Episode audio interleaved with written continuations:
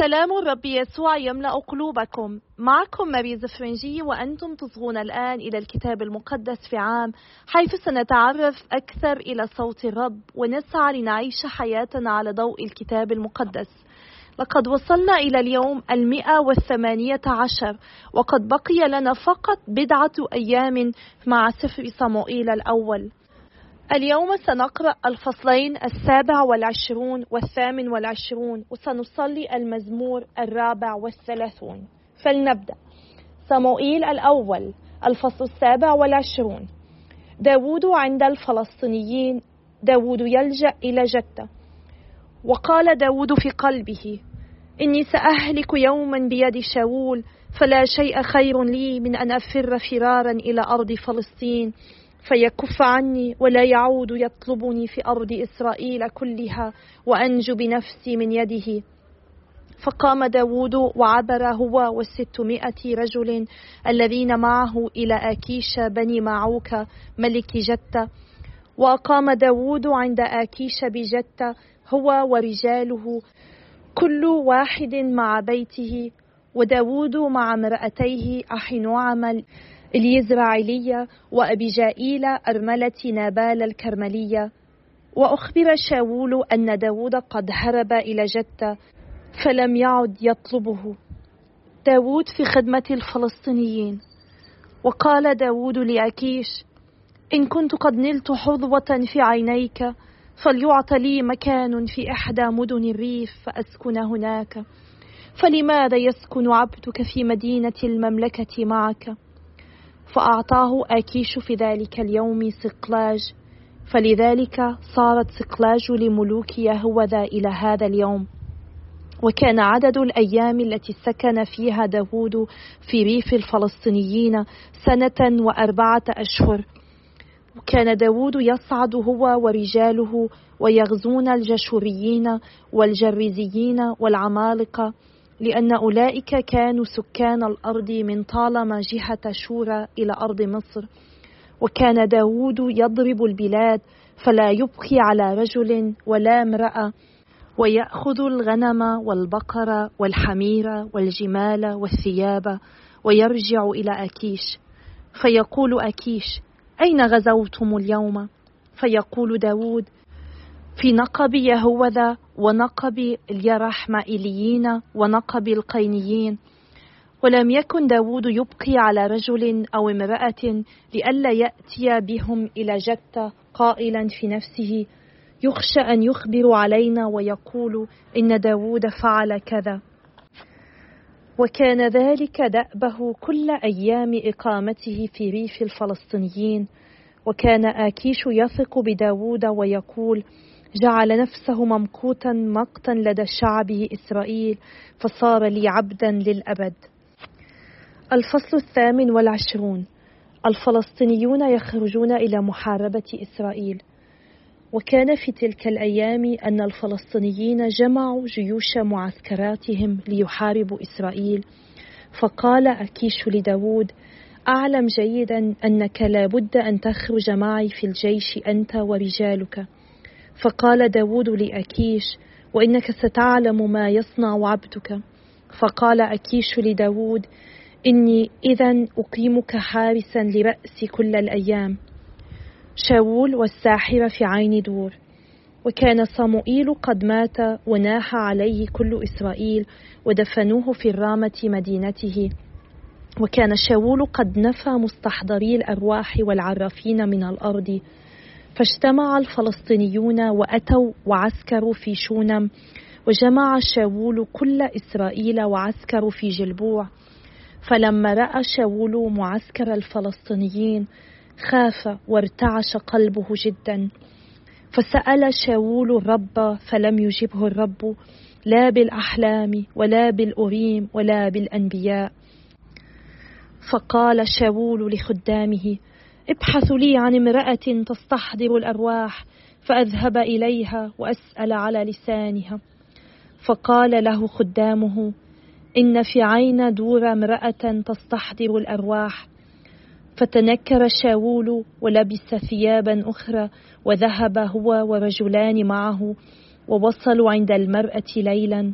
فقال لها تكهني لي باستحضار الأرواح وأصعد لي من أسميه لك. فقالت له المرأة قد علمت ما صنع شاول من قرد مستحضري الأرواح والعرافين من الأرض فلماذا تنصب لي فخا لتميتني؟ فحلف لها شاول بالرب قائلا حي الرب إنه لا يلحقك عقاب في هذا الأمر. فقالت المرأة من أصعد لك؟ قال أصعد لي صموئيل. فلما رأت المرأة صموئيل صرخت بصوت عظيم وكلمت المرأة شاول قائلة لماذا خدعتني وأنت شاول؟ فقال لها الملك لا تخافي ما الذي رأيت؟ فقالت المرأة لشاول رأيت شبحا يصعد من الأرض. فقال لها ما هيئته؟ قالت رجل شيخ صاعد مرتديا برداء. فعرف شاول أنه صموئيل فارتمى على وجهه إلى الأرض وسجد. فقال صموئيل لشاول لماذا أزعجتني وأصعدتني؟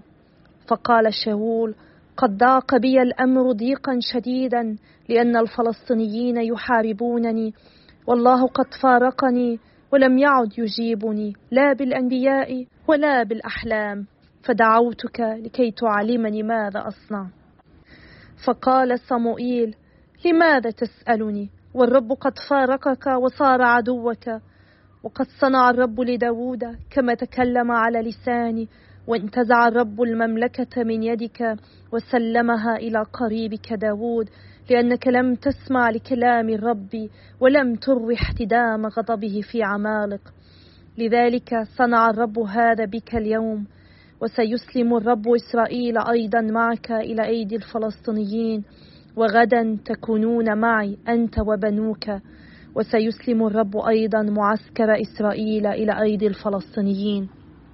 فسقط الشاول في الحال بطوله على الأرض وخاف خوفا شديدا من كلام صموئيل ولم تعد به قوة لأنه لم يأكل كل يومه وليلته.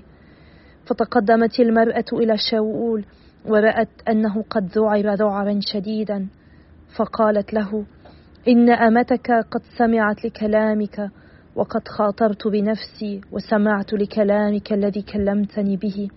فاسمع أنت الآن لكلام أمتك. فأقدم لك كسرة خبز وتأكل فيكون فيك قوة فتسير في الطريق. فأبى وقال لا آكل. فألح عليه خدامه والمرأة أيضا. فسمع لكلامهم وقام عن الأرض وجلس على السرير. وكان للمرأة في البيت عجل مسمى فبادرت وذبحته وأخذت دقيقا وعجنته وخبزته فطيرا وقدمت إلى شاول وخدامه فأكلوا ثم قاموا وانصرفوا في تلك الليلة. المزمور الرابع والثلاثون لداود حين تظاهر بالجنون أمام أبي ملك فطرده فانصرف. أبارك الرب في كل حين وتسبحته في فمي على الدوام.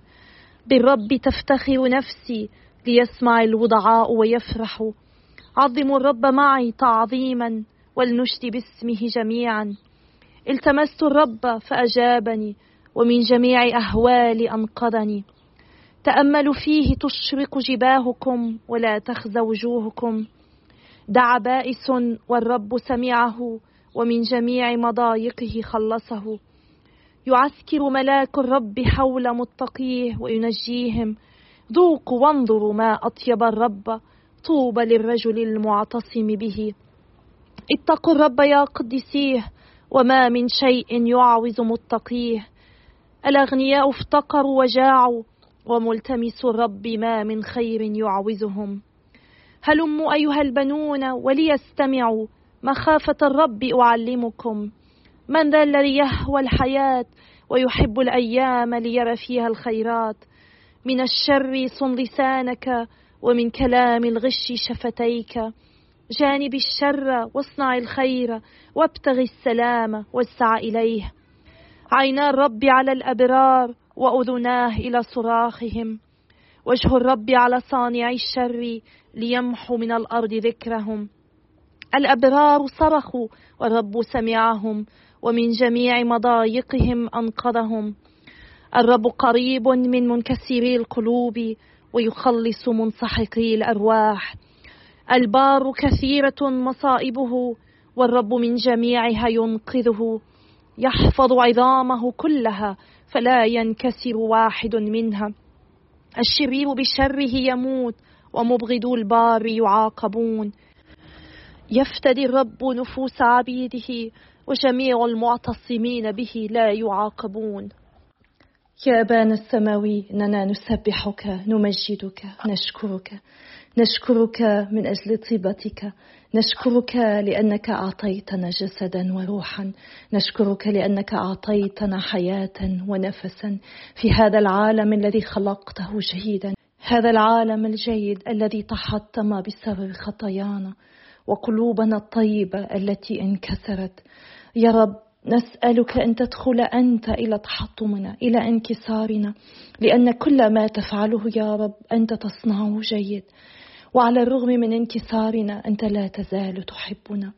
أنت لا تزال تدعونا لأن ننتمي إليك لأن نعيش حياتنا كأبناء لنا.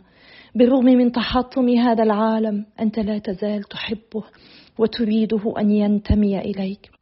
لقد افتديتنا يا رب بذبيحة ابنك الوحيد بحياته وموته وقيامته وأنت تعطينا روحك القدوس تعطيه لهذا العالم حتى نتقدس يا رب.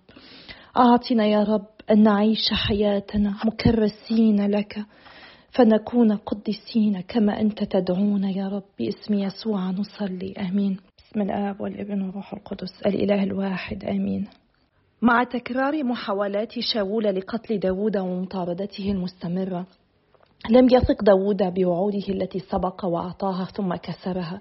لذلك فكر باللجوء إلى أحد مدن الفلسطينيين هروبا من شاول. ولنتذكر أن هؤلاء هم أعداء إسرائيل. وقد أعطى الرب نعمة لداود في عيني الملك أخيش الذي استجاب لطلبه وأعطاه قرية تقع على الحدود. الله جعل ملك أكيش لا يشك في داود ويستضيفه. علينا أن نتعلم أن نثق أننا إن أرضينا الله وحافظنا وصاياه هو يعطينا نعمة في أعين الجميع حتى أعدائنا فيسالموننا. وننمو بعلاقتنا مع الله بدون عائق. علينا أن نثق أن الله قادر أن يعطينا قوة مهما كانت ظروفنا صعبة مثل تواجد داود مع الفلسطينيين أعدائه وانتصاره في غزواته وتوفير احتياجات رجاله. علينا أن لا نقلق لأن الله دائما يدبر لنا احتياجاتنا ويفتح لنا طرقا كي نحيا ونعيش معه ونفرح معه. وبينما الله كان يعطي قوة لداود كان شاول يشعر أن الله قد تخلى عنه في معركته ضد الفلسطينيين مما يجعله يلجأ إلى شيء آخر. وهذا ما يفعله كثيرون عندما يشعرون أن الله صامت أن الرب يصمت ولا يجيبنا عندما نطلب. في يأسه استشار شاول وسيطا امرأة تستحضر الأرواح في عين دور. رغم أنه يدرك أن هذا خطأ لأنه هو بنفسه قد حرم هذا الموضوع. استحضار الأرواح ممنوع منعا باتا في شريعة موسى وكذلك في قانون الكنيسة. شاول طلب من هذه الساحرة أن تستحضر روح النبي صموئيل كي يعرف ماذا سيحدث له. التعليم المسيحي للكنيسة الكاثوليكية ينهينا عن فعل ذلك. وفي المقطع 2115 نقرأ يستطيع الله أن يكشف المستقبل لأنبيائه أو لغيرهم من القديسين إلا أن الموقف المسيحي الصحيح يقوم على تسليم الذات بثقة بين يدي العناية الإلهية فيما يتعلق بالمستقبل وترك كل فضول فاسد من هذا القبيل وعدم التبصر قد يكون عدما للمسؤولية. هذا المقطع وغيره يقع تحت عنوان العرافة والسحر وتحت الوصية التي تقول لا يكون لك إله غير الله. إن مهمة اللحظة الحالية التي نحن فيها هي الاستعداد لما سيأتي للحظة التالية. وهذا يتطلب منا أن نثق بالرب الآن بدون فضول غير صحي حول المستقبل. نستعد له بحكمة وثقة بالرب. نعم إن كل أنواع العرافة خاطئة. مهما شاعت في أي مجتمع نحن نعيش فيه هذا لا يجعلها شيئا صحيحا. في المقطع 2116 من تعليم الكنيسة نقرأ يجب نبذ جميع أشكال العرافة اللجوء إلى الشيطان أو الأبالسة استحضار الأموات أو الممارسات الأخرى المفترض خطأ أنها تكشف عن المستقبل استشارة مستطلعي الأبراج والمنجمين وقارئي الكف وشارحي الفأل أو الشؤم أو الحظ وظاهرات الرائين واللجوء إلى الوسطاء. أمور تخبئ إرادة التسلط على الوقت وعلى التاريخ وأخيرا على البشر. وفي الوقت عينه الرغبة في استرضاء القوى الخفية. إنها على تناقض مع مال الله وحده. علينا من واجب الإكرام والإحترام الممزوج بالخشية المحبه لا يمكننا أن نسير في طريق العرافه الكنيسة لا تدينها ببساطة لأنها إيمان بخرافات أو مضي على الوقت. تدينها لأنها خطيرة روحيا. تشكل خطرا روحيا على أرواحنا على خلاص نفوسنا. يوجد بالفعل عالم روحي وليست كل الأرواح جيدة. عندما نشرك أنفسنا في ممارسات العرافه نحن نلجأ إلى شيء أو شخص آخر غير الله نفسه. وهذا يمكن أن يفتح لنا تأثير الشرير علينا. نعم عندما نسير في هذه الطريق نحن نفتح نافذة أو بابا للشرير حتى يدخل في حياتنا ويسبب خرابا وشرا. إذا كنت منخرطا في أي ممارسات العرافة عليك أن تضعها جانبا أن تتوب عنها وأن تذهب إلى الكاهن في سر الاعتراف تطلب من الرب المصالحة والغفران. العرافة انتهاك خطير للوصية الأولى وهي تعرض خلاص نفسك للخطر. نحن لسنا بحاجة لأن نخاف من المستقبل أو نسعى للسيطرة عليه لأن الرب يسوع هو رب كل العصور وهو معنا. علينا فقط أن نجدد ثقتنا به أن نضع ثقتنا به في كل لحظة خاصة في لحظات الخوف من المستقبل. لأن الرب معنا اليوم وسيكون معنا غدا وهو يدرك جيدا ماذا سيحصل غدا. هو الآب الضابط كل شيء اليوم وغدا وإلى الأبد. فلنصلي من أجل بعضنا البعض إذا كان أي واحد منا قد تورط في هذه الممارسات بأي يوم من حياته حتى يتوب ويعود عنها. وينال رحمة الرب في سر الغفران. وإني أدعوكم في تأملنا لليوم أن تقرأوا المزيد مما تعلمه الكنيسة عن العرافة في التعليم المسيحي للكنيسة الكاثوليكية. من المقطع 2115 حتى 2117 ولنضع ثقتنا بالله وحده. وأتشكر الجميع على صلواتكم وتشجيعاتكم وإلى اللقاء غدا يوم آخر إن شاء الله بنعمة الرب.